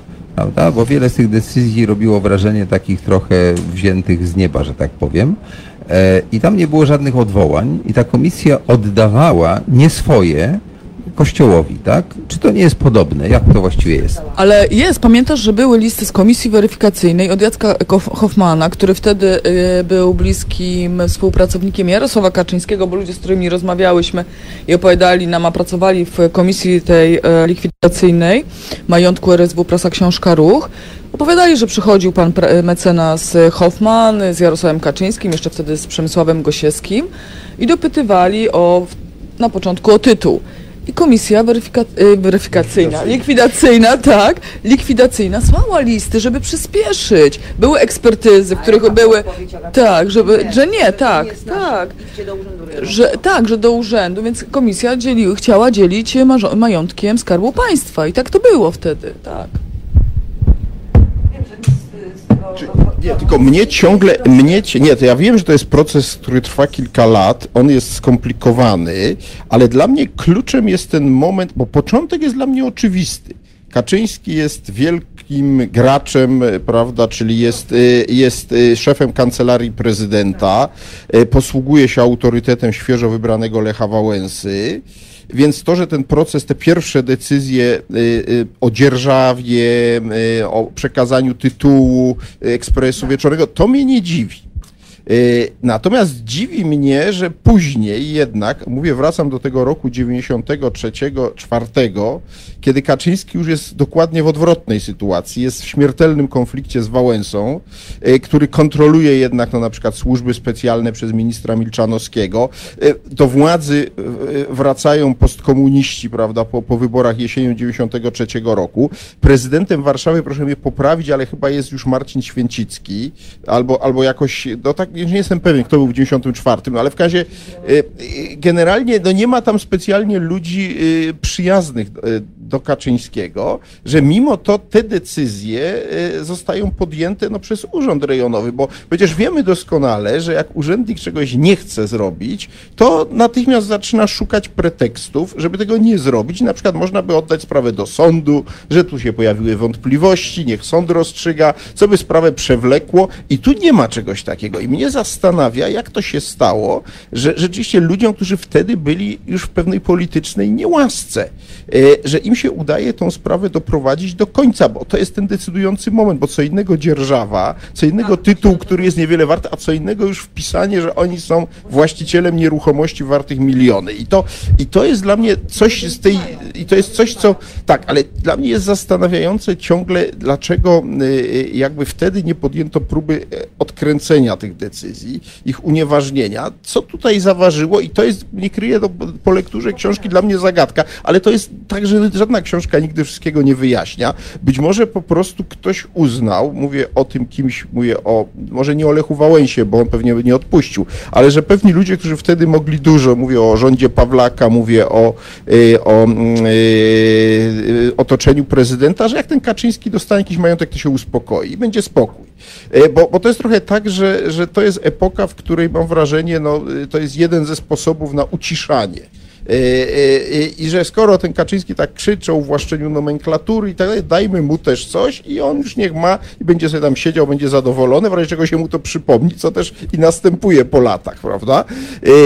I ja, ja, ja po prostu szukam odpowiedzi na to pytanie, bo mnie to intryguje, bo ja przecież znam wiele innych historii, gdzie, gdzie tego typu, no właśnie takie wątpliwe transakcje były blokowane na którymś tam etapie, bo się nagle znajdował jednak ktoś, kto widział, o nie, nie, nie, my im nie damy tego za pół darmo czy za, za, za, za, za, za bezcen i blokujemy to. I wiemy doskonale, że na takiej długiej drodze e, urzędniczej jest ileś takich momentów, kiedy można zablokować, a tutaj to nie następo, nie nastąpiło, to tak naprawdę jak na tego typu sprawy, to wszystko się odgrywa na przestrzeni czterech lat, to nie jest dużo. E, Odlicząc od 91 do 95, to są cztery lata, po których jeszcze rządy się zmieniają, a mimo to proces uwłaszczenia Fundacji Prasowej Solidarności postępuje i kończy się właśnie w takim momencie e, pełnym sukcesem. I to jest rzeczywiście niezwykłe i to jest coś, co, co nie kryje mnie, intryguje, ale nie kryje, że też intryguje mnie to, czego już nie jest pretensja do pań, e, a mianowicie, e, że cały proces likwidacji RSW to jest temat na jeszcze jakąś przynajmniej jedną kolejną książkę, żeby pokazać, co się z innymi składnikami tego majątku stało, no bo rzeczywiście no, y, tam tych drukarni, tych nieruchomości było y, mnóstwo, a Kaczyński wziął owszem bardzo cenne z centrum Warszawy, no ale jeszcze były inne nieruchomości i, i, i, i tutaj rzeczywiście nie ma środowiska politycznego, bo, bo nie potrafię takiego wskazać, które y, by się tym uwłaszczyło, ale jacyś ludzie się tym uwłaszczyli i dla mnie to jest ciekawe, co się stało z tą resztą tego majątku również. Czyli jak rozumiem, y, y, padło bardzo istotne pytanie, mianowicie jak to było możliwe, że nie mając wpływów politycznych wtedy, czy mając słabe, tak, Jarosław Kaczyński wraz z kolegami zdołał pozyskać bardzo. Zakończyć proces. Za, no tak, ale zakończyć, ale skutecznie zakończyć proces, no to mm, ostatecznie pozyskać, prawda? No jak zwał, tak zwał, chodzi po prostu o to, że zostało to zalegalizowane, scementowane. E, odpowiedź, którą sugeruje, e, domniemując, jak rozumiem, profesor, e, jest taka, że jak mu rzucimy jakiś ochłap, to nie będzie się czepiał, tak? Czy to jest odpowiedź wystarczająca? Czy tutaj należy, zgodnie zresztą z rozmaitymi wypowiedziami Jarosława Kaczyńskiego, doszukiwać się jakiegoś układu, czy doszukiwać się jakichś innych tajemnic, teorii spiskowych, które by tłumaczyły, dlaczego tak się stało? Bo to jest okres, w którym dużo takich dziwnych rzeczy się działo w Polsce. E, Pamiętam, że e, ja pojechałem do Torunia i obserwowałem rodzenie się Radia Maryja. To jest mniej więcej ten sam czas i też w taki dosyć magiczny sposób to radio, które początkowo było stosunkowo małe i biedne, ja je nawet wtedy zwiedziłem. Ja pojechałem z projekcją właśnie filmu Człowiek z do Torunia. E, Było pokazywane w tam w kinie wojskowym, już tego kina teraz oczywiście nie ma. I ja, jak mnie zapytali gospodarze, co bym chciał zobaczyć, powiedziałem, że chciałem zobaczyć Radio Maryja. Zawieźli mnie do tego Radia Maryja. E, Wszedłem tam, obejrzałem w środku, jak to było, i to było biedniutkie radio wtedy. Ono było naprawdę e, skromne i takie, powiedziałbym, osobliwe, jeśli chodzi o treść, natomiast w formie niesłychanie siermiężne. Natomiast bardzo szybko, po tym 93 roku, nastąpił taki y, jego szybki rozwój. Ja pamiętam, chciałem zrobić o tym film, a się okazało, że już nie mogę zrobić tego filmu, ponieważ robi to inny reżyser i film powstał niesłychanie apologetyczny. Taki, który w telewizji polskiej został zamówiony, ewidentnie ze wskazaniem, jaka ma być tendencja tego filmu, więc jakieś magiczne siły działały wtedy. I tak się zastanawiam, świadomie użyłem sformułowania teorie spiskowe, czy gdzieś tam jakieś takie dziwne mechanizmy wtedy nie działały, które układały te klocki na długie, długie lata, żeby potem z tej konstrukcji coś wynikło. Rzucam tutaj pytanie zarówno do pani, jak i do pana profesora. Ja nie podejmę tej rękawicy a propos y, spiskowych teorii dziejów, ponieważ naszą książkę oparłyśmy na faktach i na źródłach. Przekopałyśmy archiwa, teczki, sądy, zwiedziłyśmy korytarze i chciałybyśmy, żeby ona pozostała w sferze faktów i literatury faktów, więc y, tutaj nie, nie chciałabym jej przenosić do kategorii fantastyka. I, y, i myślę, że, że po prostu jeśli jakiś układ jest, to pokazałyśmy ten układ opisując naszą y, książkę całego środowiska y, porozumienia. E, Centrum to jest to słowo klucz, którym Jarosław Kaczyński lubi się posługiwać. Nie używając go, starałyśmy się opisać. Nie wiem, e, dlaczego tak jest, że czy ktoś zablokował, czy nie zablokował. Uważam, że Iwona ma rację tutaj, że to jest po prostu pewien proces, który się dokończył. E, Ustawy e, powstają, prawo zostało stworzone. E, Jak minister Glapiński stworzył taką ustawę, na mocy której e, Fundacja Prasowa Solidarności została uznana za spadkobierczynię, to takie było wtedy e, prawo obowiązujące. Kto miałby to zaskarżyć, e, odwracać, po prostu ta e, seria aktów została dokonana. Myślę, że może nikt nie zdawał sobie sprawy. To nie są rzeczy, które robi się w świetle reflektorów. Ktoś idzie do urzędu, ileś, ileś, ktoś, że, ktoś, idzie, ktoś idzie do urzędu, mm, dwie strony się spotykają, e, prawda, którym zależy na tej e, transakcji i do niej dochodzi, o tym się nie rozpisują media. Jest naprawdę spory kłopot z dotarciem do dokumentów Komisji Likwidacyjnej RSW e, Prasa Książka Ruch. Co znamienne, ostatnim likwidatorem był pan Czabański, tak, więc jego należałoby pewnie pytać, gdzie są archiwa wszystkie z Komisji Likwidacyjnej. No, my próbowałyśmy ich szukać, spotkały, e, dzwoniłyśmy do poszczególnych mm, szefów tych komisji, do członków tej komisji, ale nikt nie wiedział. Jedyne wie- dowiedziałyśmy się, że są na przykład, ale akta personalne, no to nas nie interesowało, tak, e, pracowników po prostu, które e, gdzieś są złożone w archiwach państwowych. I to jest, I to jest niestety kłopot, bo, bo tutaj na początku słyszałyśmy tą recenzję niepochlebną, że jak Gazeta Wyborcza, jak Gazeta Wyborcza, to może, można się spodziewać ataku. Nie było naszym celem pisaniu tej książki żadne atakowanie środowiska, raczej było dowiedzenie się i sprawdzenie, jak to było po prostu, dotarcie do, e, do, do tej prawdy, bo taki mamy zawód, jesteśmy ciekawe. Jak przestaniemy być ciekawe, to pewnie się wypiszemy z tego zawodu. Ale jako dziennikarki chcemy słuchać tej drugiej strony i gdyby tych dokumentów było więcej, gdyby na przykład spółka e, srebrna była bardziej przejrzysta, gdyby Fundacja Prasowa Solidarności dostarczała mm, i tak sporo tych, e, tych e, było w KRS-ie, e, tak, ale wiele, wiele umów nie było. Nie dowiedziałybyśmy się, jak wyglądała na przykład umowa o pożyczkę 8 milionów, gdybyśmy nie poszły przeglądać akt prokuratorski. Bo tylko dlatego, że był prokurator jedyny, który w trzeciej RP oskarżył Jarosława Kaczyńskiego i zaprowadził go na ławę oskarżonych. Był tak A co się dzieje teraz dzisiaj z tym prokuratorem? Czy panie Jest nadal badały? prokuratorem. Tak? Tak. To warto byłoby z nim porozmawiać. I z może. nadzieją, że będzie nadal prokuratorem. No, ja jestem przekonany, że w Tak. okresie, kiedy tak tutaj ma być reforma i ma być wszystko świetnie, taki, tak? Reforma już jest. No właśnie. Mhm. To ja będę chciał go kiedyś zaprosić tutaj. Tak, e, więc mo- może, może się uda, ale e, do czego zmierzam, że to jest ze szkodą dla, no pewnie pan profesor się zgodzi, że to jest ze szkodą dla historii, dla takich badaczy, dla osób dociekliwych, tak, że my nie mamy tych dokumentów, że nie możemy do nich sięgnąć, a, a świadkowie niekoniecznie zawsze chcą mówić. No to ta moja teoria spiskowa, panie profesorze. Nie, no więc y, y, ja jednak jestem też sceptyczny wobec teorii spiskowych i powiem tak, no jeśli chodzi o fenomen Radia Maryja, to y, ja jednak upatruję jego mm, sukcesów w czym innym, a mianowicie początek lat 90. To jest dla wielu y, przedsięwzięć tak zwana godzina zero, i także jest podobnie w y, obszarze mediów, y, a mianowicie można oczywiście mówić, że za Radiem Maryja stały ciemne siły, ale ja wolę patrzeć na to w ten oto sposób, że w Polsce było bardzo wielu i ciągle jest, ale wtedy chyba może więcej osób religijnych, natomiast specjalnie nie było dla nich oferty. Kiedy pojawiło się radio e, bardzo takie wyraziste religijnie, robione rzeczywiście z przekonaniem, oczywiście startowały też inne diecezjalne radia, no ale ktoś się okazał lepszy od kogoś, podobnie było na rynku prasowym, prawda? E, Więc e, po prostu Radio Maria się przebiło nie dlatego, że stały za nim jakieś ciemne siły, łącznie z, e, jak niektórzy sugerowali, a był taki okres, że i prezes Kaczyński dawał do zrozumienia, że łatwość, z jaką Radio Maria e, zdobyło nadajniki w Rosji, sugeruje określone powiązania, a mnie się wydaje, że to jednak jest, jest e, wątpliwe, chociaż oczywiście później tak krucjata Radia Maria przeciwko wejściu Polski do Unii Europejskiej mogłaby też coś takiego sugerować, ale też ja sobie mogę doskonale wyobrazić, że ona wynikała z głębokiego przekonania właśnie i ojca dyrektora i innych ludzi, że po prostu d- Unia Europejska to zło i koniec. Ale chcę powiedzieć, że no, spójrzmy no, od innej strony. No, weźmy na przykład y, rynek telewizyjny. To jest moment, w którym startuje Polsat, Zygmunta Solorza, który dostaje koncesję na ogólnopolską telewizję prywatną i to jest w istocie, że kura znosząca złote jajka. I teraz tak, można powiedzieć, że za tym też y, y, stał y, dość wątpliwy moralnie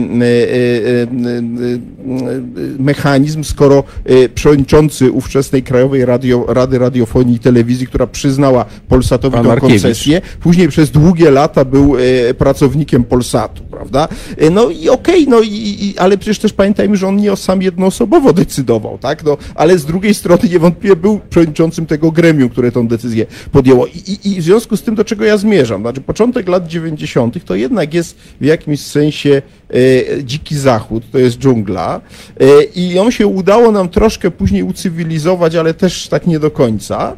Natomiast w tamtym okresie po prostu ktoś, kto był bardziej zdeterminowany, kto był bardziej bezwzględny, kto był, tak jak to się zaczyna książka pani od tego cytatu właśnie z prezesa Kaczyńskiego, który mówi, że gdybyśmy postępowali wyłącznie etycznie, to byśmy dalej byli na, w małym lokaliku na ulicy Puławskiej. I to jest taka chwila szczerości prezesa Kaczyńskiego, bo tak przecież jest. No. To, to, to, to jest tak, że y, y, my tutaj mówimy o tym konkretnym człowieku, jego środowisku z racji tego, że on dzisiaj rządzi Polską, no ale przecież jest cała historia, prawda, e, majątku SDRP, która jest w miarę dobrze znana, bo, bo, bo to jest kwestia likwidacji tego majątku PZPR, pożyczka moskiewska i tak dalej, ale w cieniu tego jest, prawda, gdzieś majątek e, e, ZSL-u, który został wprawdzie później mocno nadszarpnięty przez karę, którą PSL musiał płacić za nieprawidłowości w sprawozdaniach wyborczych i to chyba kilkanaście lat spłacono, ale mamy na przykład taką fantastyczną partię, której nie ma od 91 roku w parlamencie, a mianowicie nazywa się Stronnictwo Demokratyczne. I tu nieopodal miejsca, gdzie rozmawiamy, jest piękna kamienica, e, która to kamienica już jest dzisiaj w 90% wynajmowana podmiotom, tak powiem, komercyjnym, ale dzięki temu te 10%, czyli siedziba władz SD świetnie żyje i zdaje się, że to nie jest jedyny tego typu obiekt w kraju. E, Właśnie, dalej prezes Piskorski się utrzymuje e, jako były prezydent Warszawy z e, Stronnictwa Demokratycznego. No i dalej mamy różne inne byty polityczne, które gdzieś tam się posypały, no, które może nie miały takiego okazałego majątku, natomiast, natomiast ludzie, którzy, że tak powiem, mieli z tym do czynienia, może niektórzy całkiem nieźle się wywianowali, prawda? No, i, I to jest problem szeregu partii politycznych i różnych działaczy. I, to zresztą jest powód, dla którego dzisiaj e, partie polityczne są tak fatalnie odbierane przez Polaków. Tylko, że e, ja się najbardziej boję jednego, a mianowicie, i to właśnie tym chcę zakończyć to, to moją sekwencję. Otóż to, że takie rzeczy się działy wtedy, wynikało z faktu, że musiała minąć cała dekada lat 90., żeby w roku 2001 dopiero Sejm podjął decyzję o rozpoczęciu finansowania partii z budżetu. I powiem tak, to jest rzecz dzisiaj ciągle niepopularna i dzisiaj gdybyśmy zrobili referendum, to miażdżąca większość Polaków by natychmiast zabroniła finansować partii z budżetu, a ja tego bronię z prostego powodu, bo to jest jedyny mechanizm ułomny, ale jednak jakiegoś nadzorowania tego. Bo na, wiara, że partie polityczne się utrzymają ze składek jest oczywiście zupełną naiwnością. W związku z tym, jeśli się im odbierze finansowanie z budżetu i straci w ten sposób możliwość pewnej kontroli, ograniczonej, ale jednak nad tymi finansami, to otworzy się po, po, po, pole dla olbrzymiej korupcji politycznej, która kwitła w latach 90. Bo to lata 90. to jest. A dlaczego? Też była jasność, dlaczego tak się stało. No, ja rozumiem, że nie można było w momencie likwidacji PZPR, która wysysała pieniądze z budżetu państwa na ogromną skalę za pośrednictwem RSW, powiedzieć, słuchajcie, a teraz będziemy finansować wszystkie inne partie w sytuacji masowego bezrobocia, zapaści gospodarczej, bo ludzie by tego po prostu nie zaakceptowali. Więc udawano przez 10 lat, że partie sobie jakoś poradzą. No i wiemy, jak one sobie radziły. To jest opisane, wspomnieliśmy tutaj e, właśnie e, Pawła Piskorskiego, jest wywiad Rzeka z nim, gdzie on opisuje pewnego biznesmena, który przychodził do siedziby kongresu. Zawsze myślałem, że to przynajmniej w walizkach, a on przychodził po prostu z reklamówką pełną banknotów i tam e, uiszczał, że tak powiem, dotacje na rzecz partii. I, I no niestety podejrzewam, że to w przypadku innych partii też tak wyglądało. To ja już wolę ten system dzisiaj z tą z Państwową Komisją Wyborczą, która nad tym czuwa i która gdzieś nam te sprawozdania e, e, analizuje, e, czasem dokładniej, czasem mniej dokładnie, ale widać, że no, czy historia PSL-u, o której wspomniałem, czy historia nowoczesnej, dla mnie w ogóle była szokująca, bo nowoczesna między innymi dlatego została zatopiona, bo tam ewidentnie zrobiono głupi błąd w sprawozdaniu. Tam nie było żadnej afery, a, a no więc właśnie, więc powiem, że ten rygoryzm jest aż moim zdaniem zbyt daleko idący, ale to jest na pewno to, co ma sens. Problemem jest, jak te partie ten, ten budżet wydają, bo moim zdaniem one mają za, za dużą dowolność w wydawaniu tych pieniędzy, ale jednak wolę ten system od tych lat 90. Ja chciałam tylko, ja chciałam tak, tak właśnie, przerwać mini wykład panu profesorowi, powiedzieć, że e, my chodzimy e, od wielu lat oglądać sprawozdania finansowe e, partii. To, nie, to jest wyjątkowo nieprzejrzyste dokumenty. To są wyjątkowo nieprzejrzyste dokumenty i e, nawet jeśli zgadzam się, że zbyt rygorystycznie e, są traktowane te sprawozdania, że można stracić subwencje, Natomiast nie ma żadnego mechanizmu, który kontrolowałby de facto te wydatki, bo e, jak ogląda się sprawozdania finansowe partii, to są segregatory, w których jest, e, są pozycje poszczególne. I jest napisane tak, Kongres Prawa i Sprawiedliwości, ja akurat się zajmuję Prawem i Sprawiedliwością, więc to są mi bliskie faktury. Kongres Prawa i Sprawiedliwości, kwota taka i taka. I czasami jest napisana y, spółka. Nie wiadomo ani, czy ta spółka y, dała y, oświetlenie, czy y, wniosła mównicę prezesa Kaczyńskiego za 100 tysięcy złotych na przykład, czy cokolwiek innego. Nie ma rozbitych tych kosztów. I e, znamy mechanizmy, oczywiście nieoficjalnie, nikt, nikt o tym nie pisze, bo nie ma na to dowodów, ale mm, jest to wiedza, e, wiedza przekazywana e, sobie kuluarowo, że po prostu spółka spółce spółce podaje dalej i także wtedy nie dowiemy się de facto na końcu, kto zarobił.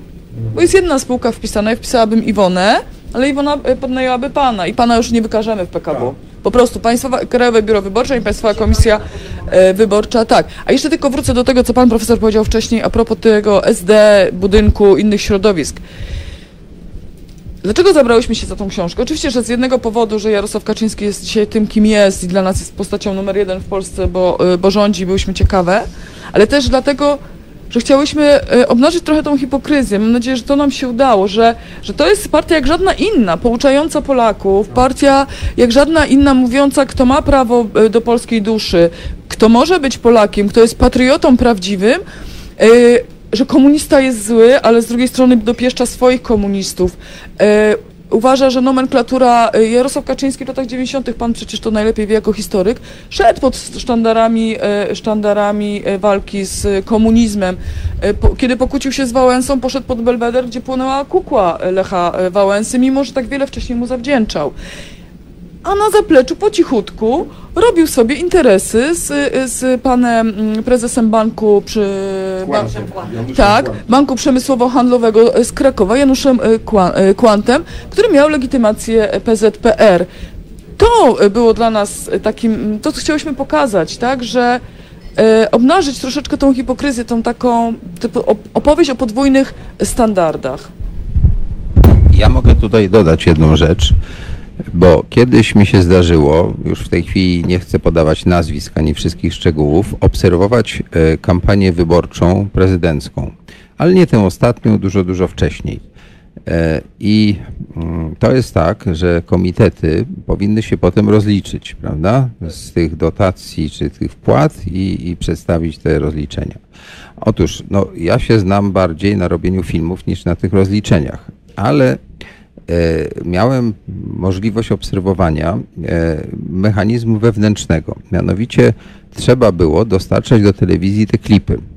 E, Klipy się najpierw kręciło, potem montowało, a potem się dostarczało. E, I za te montażownie, w których się to e, obrabiało, trzeba było płacić. Otóż e, odkryłem przypadkowo zupełnie, że ten sam biznesmen, ta sama duża firma płaciła poza, że tak powiem, rozliczeniami tych komitetów za wszystkie montażownie. To znaczy biznesmen obstawiał wszystkich, może nie wszystkich, ale tych liczących kandydatów, po prostu pokrywając rachunki. Jestem przekonany, że w jego księgach y, było napisane, że zamawia promocyj, y, usługi montażowe do filmów promocyjnych i w tych rozliczeniach dla PKW w ogóle nie występował tego rodzaju element y, i nikt nie był zainteresowany pytaniem, skąd się te klipy biorą. E, Ja także pamiętam, że umowy zawierane na różne inne elementy, czy to hotele, czy to e, sprzęt, czy to w ogóle ludzi, którzy kręcili, też miały jakieś takie dosyć dziwne podmioty i w zasadzie tam nigdy nie występowały te właściwe, to znaczy te, te ko- komitety wyborcze. To tak zostawiam jako fakt i ewentualnie pytanie. Teraz Teraz zrobimy sobie znowu chwilę przerwy, żeby, że tak powiem, odetchnąć i posłuchamy dość znaczącego utworu Kaja Ibrygowicz Śpi, kochany, śpi. Słuchajcie powtórki programu. Halo Radio. Dobry wieczór Państwu. Konrad Szołajski, Halo Radio. Dzisiaj rozmawiamy o Jarosławie Kaczyńskim, biznesmenie. E, To jest nowa twarz e, obecnego szefa partii, który rządzi Polską, przynajmniej tak politolodzy nam mówią. Nowa twarz, która jest bardzo interesująca, bo pokazuje, że to nie jest jakaś niezwykła tajemnica, e, charyzma, która spowodowała, że ta partia doszła do władzy, ale że ma starannie, długo, mozolnie budowane zaplecze finansowe, gdzie są różne zagadki, dlaczego pewne decyzje zapadły tak, jak zapadły, ale trochę te zagadki być może się wyjaśniają, kiedy Państwu e, opowiadam o tym, jak wygląda na przykład e, kampania prezydencka i że de facto te wszystkie systemy kontroli to są diabła warte, ponieważ faktycznie e, bogaci biznesmeni, bogate firmy potrafią znaleźć sposób finansowania swoich kandydatów i w zasadzie mogą uzależnić każdego kandydata. Więc mamy trochę taki House of Cards. E, Ja myślę, że profesor nam coś powie na ten temat. Czy rzeczywiście ten system finansowania i kontroli polityków w ogóle jest efektywny? Czy to nie jest tylko taka mm, zasłona dymna. Któryś y, z, ze słuchaczy zapytał, czy właściwie powiedział, że jest niesprawiedliwe, że partie, które są w Sejmie dostają pieniądze, a te, które nie, to nie. To nie jest prawda, bo na przykład partia e, Razem Zandberga miała mm, efekt wyborczy przedtem poniżej progu, a żyła całkiem nieźle, ponieważ od pewnego procentu, o 3%, a przed wejściem tym 5% do Sejmu, partie są finansowane i w jakimś sensie jest to w ogóle bardzo wygodna sytuacja, bo że tak powiem, nic nie muszą robić. Ale oddaję tutaj głos panu profesorowi.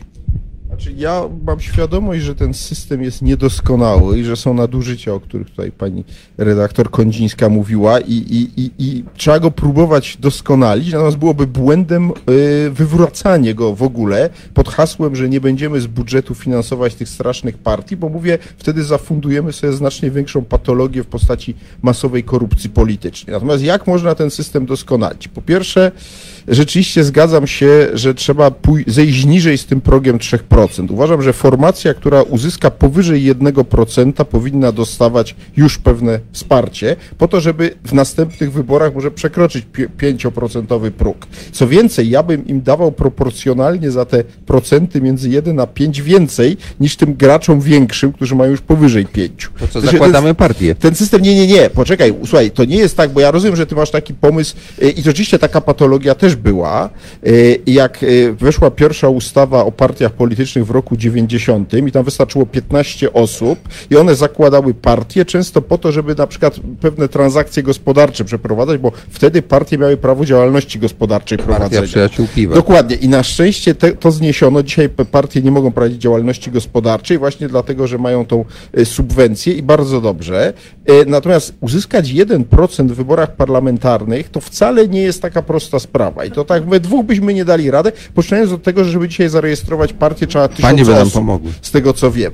Tysiąc osób to już też jest pewien problem. Więc ja bym jednak tutaj dawał e, te pieniądze no, właśnie tym początkującym bytom politycznym. Oczywiście nie jakieś ogromne, no ale takie, żeby mogły przetrwać. Natomiast oczywiście jest kwestia struktury tych wydatków i dla mnie największym, y, y, powiedziałbym, wadą tego obecnego systemu jest to, że partie miażdżącą większość środków mogą wydać na propagandę wyborczą, czyli na słynne billboardy, ulotki, spoty i tak dalej, a bardzo niewiele tak zwany, wydają na tak zwany fundusz ekspercki, czyli na przygotowywanie się do, do rządzenia albo na patrzenie aktualnie rządzącym na ręce, bo gdyby dzisiaj Platforma Obywatelska musiała połowę swojego e, subwencji przeznaczać na e, think tank partyjny, który e, miałby, że tak powiem, ludzi, którzy by fachowo patrzyli rządowi, PiSowi, rządowi PiSu na ręce, to byśmy więcej wiedzieli o tym, co rządzący robią. No a że oni ścibolą te pieniądze po to, żeby zaistnieć za 3 czy 4 lata w wyborach, rzucić te pieniądze na propagandę, to też im mało monitorują i zostają tylko media. I to jest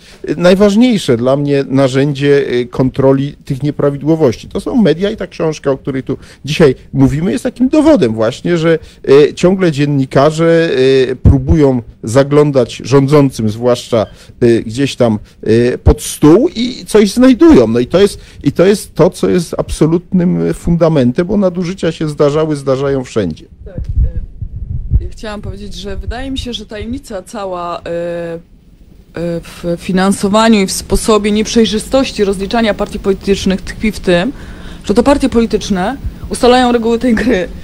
To, to partie polityczne, tak, są ustawodawcą, tak, oto oni zasiadają w parlamencie, to i nie mają interesu w tym, żadna z partii politycznych nie ma interesu w tym, żebyśmy ich e, dogłębnie rozliczali.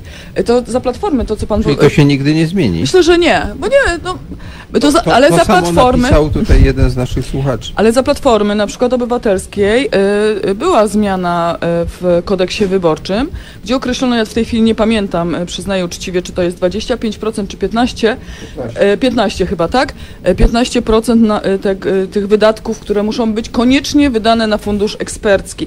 Mamy partie polityczne, które robią badania non-stop, to, jest gigant, to są gigantyczne pieniądze, prawda, na sondaże, Gdyby, wystarczyłoby, żeby ustawodawca zaproponował jawność tych sondaży. Przecież pan jako politolog chętnie by poczytał takie badania, prawda? Tak, a to, a to, tak, a to, to jest wielka tajemnica w każdej partii. Oczywiście, bo oni badają nie tylko siebie, ale też konkurentów politycznych, kiedy jest e, kampania wyborcza, ale myślę, że w pewnym momencie, może po kampanii na przykład, powinny być jawne. To są pieniądze publiczne. Zapłacili za to wszyscy podatnicy i chętnie ja bym takie e, badania obejrzała i przeczytała, więc wydaje mi się, że jest tutaj parę możliwości, takich mechanizmów e, do stworzenia, które przybliżą nas troszeczkę do tej przejrzystości.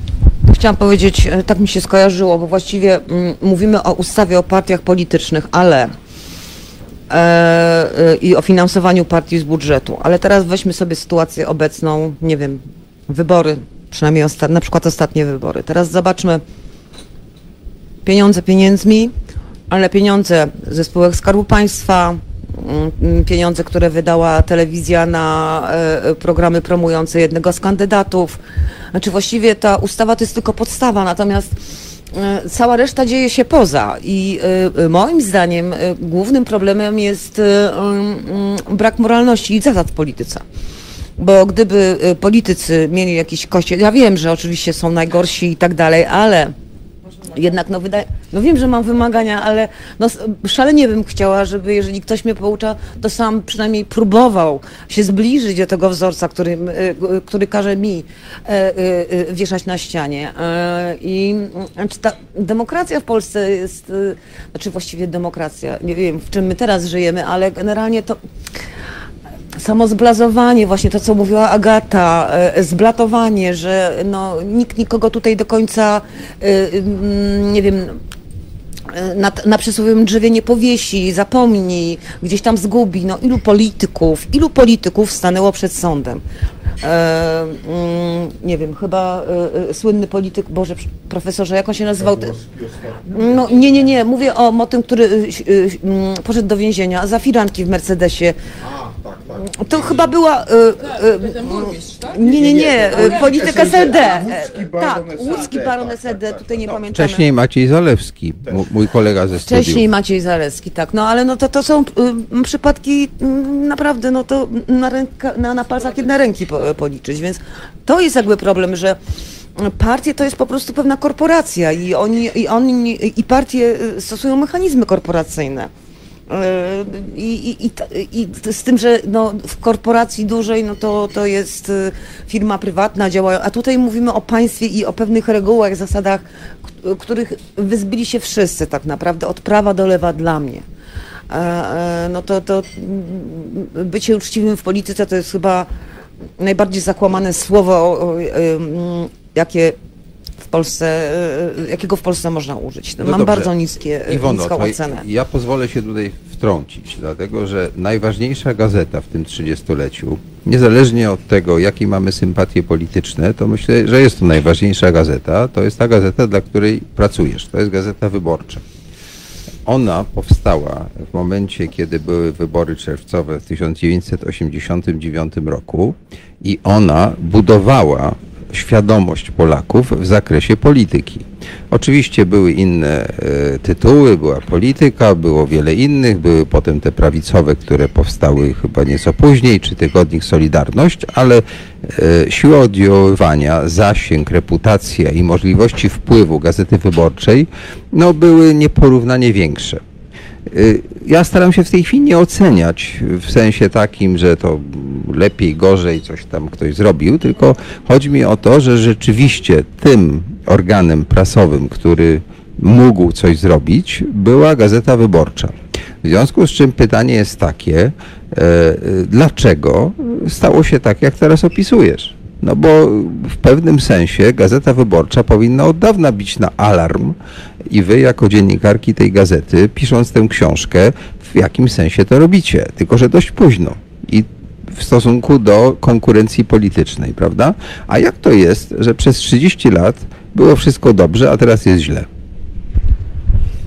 Ty- Przepraszam, to jest dla mnie jakaś bardzo ryzykowna teza. Co znaczy było wszystko dobrze, a teraz y, i że późno? No, Gazeta Wyborcza wykryła masę, y, masę nieprawidłowości, i, i, ale też nie, nie czynimy z Gazety Wyborczej y, Boga. E, No, bez przesady. Ja, ja, tego, ja tego zarzutu nie przyjmuję kompletnie. E, Nie wiem, Agata, jak ty, czy ty przyjmujesz ten zarzut, że zrobiłaś coś za mało, czy coś źle? No, po prostu nie, A no, panie, no to... panie są bardzo młode, no, nie mogłyście, to- że tak powiem, e, nie, mogę, nie możecie odpowiadać za to, co się działo po 89 roku Ale też gazeta nie może za to odpowiadać. Z gazetą wyborczą jest zawsze tak, że w zależności od tego, kto o niej opowiada, to albo ona ma siłę, albo tej siły w ogóle nie ma. Jeśli Jarosław Kaczyński czyta o jakichś nieprawidłowościach dotyczących prawa i sprawiedliwości w gazecie wyborczej, to mówisz, jakie to ma znaczenie, przecież nikt tego nie czyta, ta gazeta się nie liczy.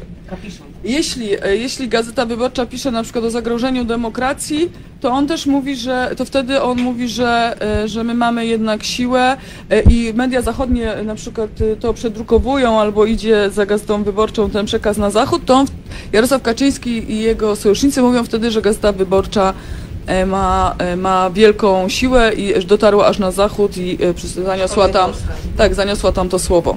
Natomiast e, Gazeta Wyborcza zawsze opowiadała się za pewnymi wartościami, bez względu na to nie chcemy być kojarzeni z żadną partią polityczną.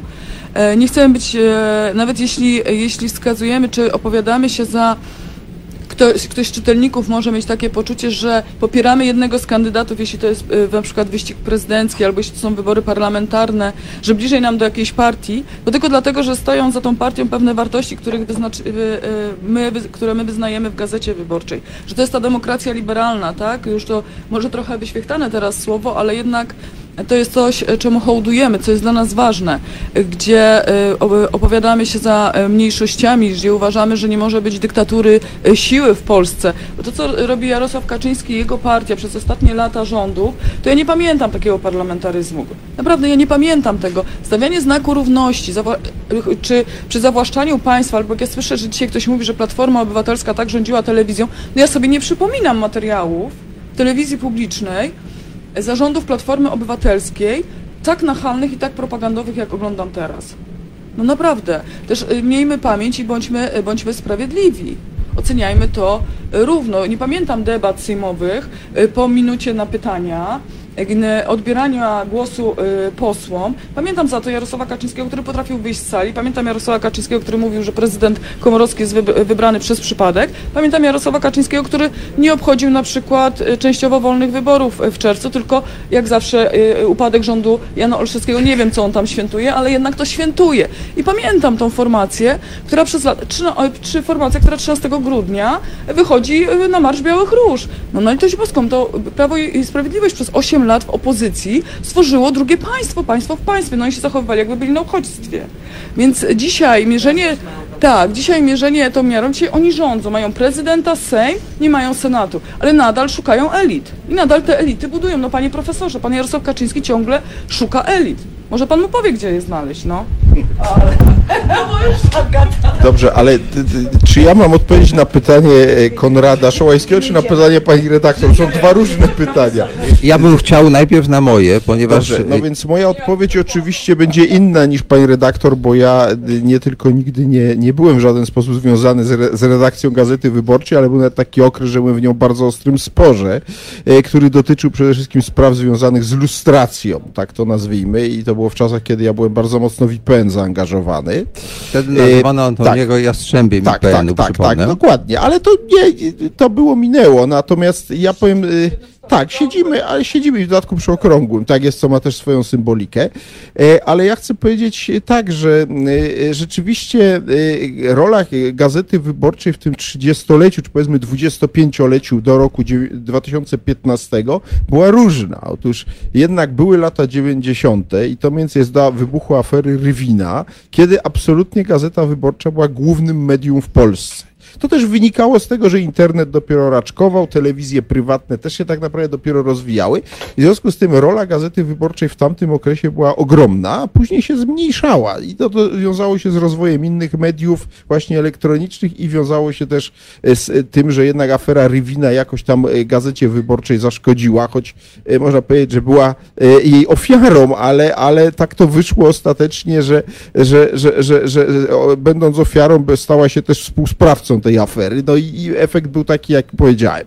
I teraz y, o co ja mam do Gazety Wyborczej pretensje? Otóż ja mam pretensje o to, że owszem, prezentując przez cały ten okres dość spójną linię ideową przez te 25 lat do czasów e, dojścia PiSu do władzy i zawsze mając do Kaczyńskiego i PiSu i tu było niezmienny, jednoznacznie krytyczny stosunek, że był Kaczyński z porozumienia centrum, że był Kaczyński z PiSu, tu konflikt był otwarty i oczywisty. Natomiast ja mam pretensje o to, że ona, mówię o Gazecie Wyborczej, zajmując bardzo wiele miejsca, no na przykład właśnie takiej walce, moim zdaniem, z wiatrakami, jak walce z lustracją, która moim zdaniem była oczywistym i potrzebnym procesem w rozumieniu otwarcia archiwów, równocześnie za mało miejsca poświęciła temu, co się okazało finalnie największą porażką, czy jedną z największych porażek trzeciej RP, a mianowicie słabej edukacji obywatelskiej, zwłaszcza młodego pokolenia. Oczywiście to nie gazeta miała to robić, ale gazeta miała mieć na przykład y, y, na oku kolejnych ministrów edukacji w kolejnych rządach i domagać się, tego, żeby polska szkoła zaczęła się zmieniać. Ja nie mówię, że tego nie robiła, ja tylko mówię, że mogła to robić znacznie ostrzej i mocniej, ponieważ ja uważam, że y, y, to, że dzisiaj PiS może y, robić to, co robi i to, że dzisiaj tak wielu widzów ogląda te głupoty, idiotyzmy i to szambo, które się wylewa z TVP i co, co więcej, jakaś część w to wierzy, może to nie jest bardzo dużo, ale te 2-3 miliony się w wyborach okazują decydujące, to także jest wynik tego zaniechania systemu edukacyjnego, kiedy nie uczono ludzi po prostu pewnych reguł funkcjonowania demokracji i pewnych reguł krytycznego myślenia. I za to winę podnoszą kolejne rządy, które po prostu bagatelizowały niską frekwencję wyborczą, bagatelizowały właściwie to, że wszystkie, to już nie chodzi tylko o partie polityczne, ale że Polska biła rekordy y, na dole listy wśród krajów Unii zaangażowania społecznego, że na przykład w organizacjach społecznych, nieważne, kulturalnych i innych, Polacy się wyjątkowo słabo angażowali, czyli tego społeczeństwa obywatelskiego było bardzo niewiele, no i w to wkroczył wpis tak? PiS w to wkroczył i, i, i tu mam pretensje do, że ja coś nie tylko do Gazety Wyborczej, ale także do Gazety Wyborczej. I w tym sensie, natomiast y, jeśli chodzi o to, o czym pani redaktor pyta, no to pełna zgoda. To, co zrobił PiS jest zdeprawowaniem, znaczy to jest tak, że rzeczywiście media publiczne tak zwane zawsze były partyjne w Polsce. Zawsze był jakiś rząd z wyjątkiem rządu Buzka, który się tam nie był w stanie dogadać, Unia Wolności za WS-em nie przejął rząd Buzka TVP, ale poza tym wszystkie kolejne ekipy TVP albo od razu, albo po pewnym czasie przejmowały i wiadomo było, że te media służyły rządzącym. Natomiast nigdy to nie było robione w sposób tak absurdalnie przerysowany, jak to mamy miejsce po roku 2015 i to jest poza dyskusją. To jest oczywisty, obiektywny fakt, który łatwo stwierdzić, wystarczy dowolnego dnia obejrzeć TVP Info czy wiadomości, co ja robię od pięciu lat regularnie dość i, i, i, i mam w tej sprawie bardzo określony pogląd. Tu zgoda. I podobnie jest z innymi działaniami. PiS wszedł bardzo mocno mocno w buty poprzedników i mnóstwo rzeczy po prostu dramatycznie wyostrzył, doprowadzając rzeczywiście demokrację liberalną, można powiedzieć, do stanu śmierci klinicznej. I dzisiaj mamy sytuację, w której Polska jeszcze nie jest krajem autorytarnym, ale nie jest już demokracją liberalną. Jesteśmy w tak zwanej fazie przejściowej i pytanie, jak pójdziemy po tych wyborach prezydenckich dalej, to jest pytanie, które ja nie znam odpowiedzi. No mam nadzieję, że demokracja jednak w Polsce przetrwa, e, co stwierdzam no, jako człowiek, który, który jednak e, lata młodości spędził w ewidentnej dyktaturze i nie chciałbym umrzeć w dyktaturze. E, spojrzałeś na mnie, tak jak ja bym związany z tą dyktaturą. Nie, spojrzałem na ciebie, bo ty żyłeś cokolwiek dłużej w tej dyktaturze ode mnie, więc doświadczyłeś tych mechanizmów dłużej ode mnie. Dziękuję, Antoni. Y, ja bardzo Ci dziękuję za tę, myślę, że wyważoną wypowiedź, ale rozumiem doskonale, dlaczego y, no, myślę, że Agata musi bronić gazety, no bo gdybym ja pracował w gazecie, też bym jej bronił, tak? Mogę sobie pozwolić tutaj na takie frywolne komentowanie. Ja jestem czytelnikiem gazety, jej fanem, natomiast w wielu sprawach mnie denerwuje. Ja pamiętam jeszcze z 93 roku, że pokazały się dwie recenzje z mojego filmu, w ciągu kilku dni w Gazecie Wyborczej podpisane przez tego samego człowieka i pierwsza była bardzo pozytywna, a druga była bardzo negatywna. I tego rodzaju mechanizmy już wtedy tam istniały. W zeszłym e, roku, pamiętam, pokazał się taki mój duży list otwarty do kolegów reżyserów, opatrzony entuzjastycznym komentarzem krytyka, który tydzień później napisał, że się strasznie pomylił, że to wszystko nieprawda, co przedtem napisał. Także gazeta ma też tego rodzaju e, swoje, że tak powiem, jakby to powiedzieć, e, intrygujące zachowania. Ale zostawmy na razie No gazetę. ja powiem, przepraszam moment, bo, bo się tutaj trochę e, obruszyłam, ale ta sama Gazeta Wyborcza e, opisała aferę reprywatyzacyjną e, i wydaje mi się, że żadna, e, żadna gazeta, e, no, no, no generalnie był to atak na całą stronę liberalną, wiadomo jak to było odebrane, tak? No i myślę, że żadna gazeta obecnie, która jest postrzegana jako bardziej sprzyjająca jakiejś władzy, tak? No bo taką łatkę mamy, tak? No nie ma co. Nie zrobiłaby czegoś takiego, więc no stać Gazetę Wyborczą również na strzały, e, e, e, można powiedzieć, w stopę, tak? I, e, mm, i to nie jest tak, powiem w imieniu Agaty, że Agata musi kogoś bronić, bo tam pracuje. Nie. To nie jest to, że my musimy. E, no, bardzo mi przykro, że były recenzje e, e, twoje wykluczające się, bądź też jakieś Podpisane przez tę samą No osobę. przykro mi szalenie, ale wydaje mi się, że są... Ale wydaje mi się, że są ważniejsze sprawy, które poruszyła wyborcza, z całym szacunkiem oczywiście dla, dla Twojej twórczości. I, i no to nie jest tak, że my czegoś musimy bronić, naprawdę. Jasne. Bo To- się sama wyborcza broni. Ja jestem tak czy inaczej entuzjastą waszej książki i tutaj zdania nie zmienię i za tydzień nie powiem odwrotnie. Przypomnij tytuł. Pokaż okładkę. E, Książka się nazywa Prezes i spółki Imperium Jarosława Kaczyńskiego. O, pokazuję, żeby można było ją zobaczyć. E, Myślę, że to jest bardzo ważna książka, e, aczkolwiek jej odbiór, tego jestem bardzo ciekaw, u czytelników może nie być do końca taki, jak się spodziewacie. Dlaczego? Dlatego, że bardzo często e, ludzie, e, którzy w coś wierzą, to znajdują, jakby to powiedzieć, usprawiedliwienie dla swojego dysonansu poznawczego i nawet powiedzą, no to pan Jarosław budował to imperium po to, żeby móc stworzyć partię, która wyprowadzi Polskę na prostą. Prawda? Tak. I y, y, paradoksalnie to, co wy uważacie, tak jak rozumiem waszą krytykę, czy wasze opisy, jako coś, co jest moralnie wątpliwe, no to być może dla części odbiorców będzie, odbi- y, będzie to odbierane jako właściwie cnota. Ja poniosłem taką klęskę osobiście, to mogę powiedzieć. Zrobiłem film o egzorcyzmach. Wydawało mi się, że ten film jest dosyć krytyczny w stosunku do tego zjawiska. I pamiętam, że po jednej z projekcji przyszła do mnie starsza pani i powiedziała, panie Konradzie, ja panu bardzo dziękuję za ten film i teraz wiem, co powiem wnuczkowi, jak zacznie się niegrzecznie zachowywać, gdzie go mam zaprowadzić. E, Także to może być podręcznik biznesu e, dla przyszłych polityków, którzy pójdą śladem Jarosława Kaczyńskiego. Przed tym was troszeczkę przestrzegam, że tak może się stać. Nie pójdą, nie pójdą, e, nie bo pójdą w ślady, bo, e, bo ten świat już się skończył, który opisałyśmy lat 90., tych karier, e, tych BMW z Niemiec, które jeździły po, po polskich drogach i tych mafii pruszkowskich i innych wołominów i tak dalej. Na szczęście to się skończyło. Mamy jakieś standardy, mo- one wymagają pracy i, i, i naprawy oczywiście, ale jakieś standardy już mamy, w jakich standardach się poruszamy i to się już nie da. Prezes Jarosław Kaczyński jest niezastąpiony w tym dziele.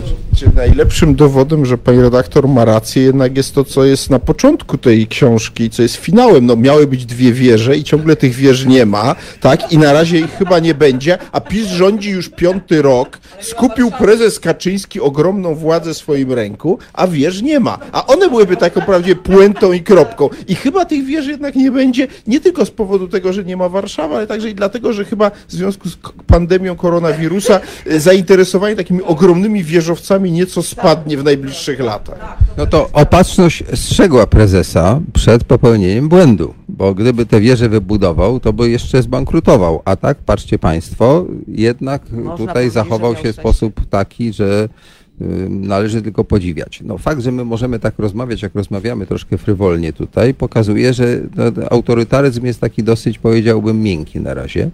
No zobaczymy za tydzień.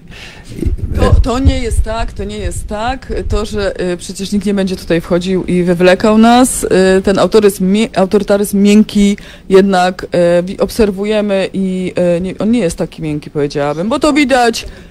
Tak, e, koleżanka była niedawno przesłuchiwana przez e, prokuratora właśnie w sprawie e, artykułów prasowych dotyczących Jarosława Kaczyńskiego. Gesta wyborcza ma ponad 50 Ty post- sugerujesz, że ja w przyszłym tygodniu też trafię do jakiegoś posterunku. To zależy, kto obejrzy ten program. I na koniec e, proszę pozdrowić prezesa, to może wtedy nie. Natomiast e, tak, Gazeta Wyborcza ma ponad 50 postępowań różnych, jesteśmy ścigani jako dziennikarze i sama pamiętam, jak Prawo i Sprawiedliwość chciało wyrzucić nas z Sejmu, co się nigdy nie zdarzyło po 1989 roku i po raz pierwszy poszła wtedy na manifestację jako dziennikarka, bo uznałam, że to jest zagrożenie dla naszych praw, ale tym samym dla praw obywateli, bo my jesteśmy pośrednikiem i łącznikiem. Jeśli zabraknie słowa e, pisanego, słowa mówionego i e, e, obrazka, to dopiero będziemy mieć rządy autorytarne. No to ja się tutaj pochwalę, że mojej ekipy nie wpuszczono do Sejmu. Pan Grzeg Żółka, dyrektor, pani minister na Kanie, pamiętam nazwiska, Kaczmarek i pan ten poprzedni marszałek, ten co lubił la, latać samolotem, to oni wielokrotnie mi odmówili, mówiąc, pisząc, że ja nie jestem dziennikarzem, że właściwie ta telewizja, dla której pracuję, to ona nie jest godna, bo to jest szwedzka, Szwedzi nas najechali kiedyś. No w ogóle były różne powody, dla, dla, dla których y, mo, Przywieź jakieś dobra z potopu. Mojej ekipy tam nie wpuszczono i w tej chwili jesteśmy w sporze prawnym polegającym na tym, że e, zarówno WSA, jak i ten, ten drugi sąd administracyjny NSA odmówiły, że tak powiem, rozpatrzenia tego, bo są niekompetentne. Sprawa trafiła do Strasburga. Znaczy, my się tutaj śmiejemy, że chciałabym, że osoby, które nas oglądają, bo my tutaj e, troszeczkę sobie żartujemy, ale oczywiście, po, bo pewnie pora jest późna i tak dalej. Natomiast to jest e, przerażająca sprawa, bo nigdy tak nie powinno być. Pierwszy stanął płot przed Sejmem, potem zaczęły się kolejne e, ograniczenia. I dzie- e, my poruszając się po Sejmie też mamy coraz więcej ograniczeń. Marszałek Kuchciński wywiesił kotarę, nas się sadza w kojcach, nie możemy się przemieszczać, nie możemy rozmawiać z politykami. Oczywiście. Prawo i Sprawiedliwość powie, że to są i tak standardy wysokie jak na inne kraje zachodnie. Sama byłam w Niemczech i wiedziałam, jak to, jak to jest. Jest troszeczkę trudniej. Ale niech Prawo i Sprawiedliwość nie zasłania się tymi przykładami z Zachodu zawsze, które są im tylko wygodne, bo kiedy my chcemy Zachodu w Polsce, to Prawo i Sprawiedliwość mówi o nie, nie, nie. No ja mam zupełnie inne zdanie, dlatego że uważam, że te czasy są niesłychanie ciekawe i ja po prostu mam tematów do końca życia, żeby to opisywać i za czasów Platformy się robiło trochę nudnawo, musiałem szukać takich tematów jak egzorcyzmy albo kursy uwodzenia, a teraz to wychodzę na ulicę i po prostu y, y, je, jest fan, fantastycznie ciekawie. Ja myślę, że tak. y, Waszą książkę chyba zareklamowałem skutecznie. E, Mimo, że trochę krytykowałem gazetę wyborczą, to dalej, Nie wiem, dlaczego my rozmawialiśmy o gazecie. e, dalej, no bo to jest, y, że tak powiem, taki dziecko gazety wyborczej. Gazeta wyborcza, e, gazeta wyborcza e, jest otwarta na rozmowy. My jesteśmy środowiskiem, które można krytykować, można z nami się nie zgadzać, ale e, trzeba z nami rozmawiać.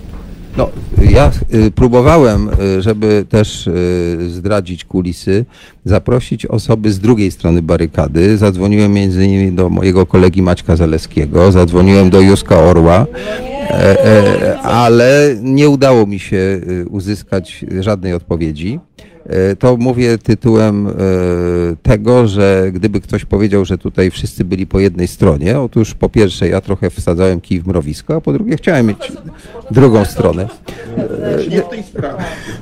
Tak, tak, także, ale jakby ktoś chciał na przykład krytykować tę książkę, dyskutować, to ja tutaj będę skłonny zaprosić i wtedy zobaczymy, jakie padną argumenty z drugiej strony. E, Dzisiaj bardzo Państwu chciałem serdecznie podziękować, przeprosić, jak byłem zbyt figlarny. Ja mam powiedzieć dziękujemy bardzo w imieniu swoim Gazety Wyborczej. Pozdrawiam wobec tego y, Gazetę Wyborczą, jej redaktorów. Dziękuję. Dziękuję bardzo. Dobranoc Państwu. Y, Ja Państwa zapraszam za tydzień. Będzie szalenie ciekawie, bo będziemy rozmawiali y, o tym, jak można opisywać Polskę w filmie i będzie między innymi z nami twórca filmów o PRL-u z archiwów y, robionym, kolega Maciek Drygas, y, będzie krytyk Konrad Zaremski i będzie przedstawiciel Fundacji Karta. E, Zbyszek Gluza i będziemy zastanawiali się, jak można ten czas opisać, bo mam wrażenie takie, że właśnie on trochę nie jest do końca opisany, szczególnie w filmie. Więc wszystkich e, słuchaczy serdecznie e, namawiam, żeby za tydzień też do nas dołączyli i bardzo dziękuję za wysłuchanie dzisiejszych rozmów. Dobranoc Państwu. Po co nam Halo Radio? Gdyby przez ostatnich 30 lat większość mediów nie układała się z politykami, to nie bylibyśmy potrzebni. Już dawno temu media zapomniały, że powinny być dla ludzi, a nie po to, żeby wspierać konkretnych polityków. W Halo Radiu wierzymy w etos pracy dziennikarza oraz w to, że media nie mogą opowiadać się za jakąkolwiek partią ani politykiem, ani schlebiać waszym prywatnym politycznym sympatiom. Jesteśmy od tego, żeby patrzeć politykom na ręce. Każde odpowiedzialne medium powinno mówić o politykach wyłącznie wtedy, gdy sprzeniewierzają się zasadom współżycia społecznego, prawom obywatelskim czy demokracji. Jeśli polityk pracuje dobrze, to nie mówimy o nim, bo przecież robi dokładnie to, czego od niego oczekujemy, za co mu płacimy. Nie mówi się wszak o wizycie w warsztacie, gdy auto jest sprawne, nieprawdaż? Media muszą być krytyczne wobec wszystkiego i wszystkich. Taka powinna być ich rola. Drodzy Państwo, nie oczekujcie od nas, że będziemy przychylni Waszym politycznym wyborom. Będziemy natomiast mozolnie szukać dziury w całym. Po 30 latach polityczno-medialnego bagna to właśnie chcemy robić i robimy. I dlatego prosimy Was o stałe wspieranie naszej działalności www.halo.radio ukośnik SOS. Dziękujemy i życzymy dobrego odbioru Halo Radia, pierwszego medium obywatelskiego dla myślących i krytycznych Polaków.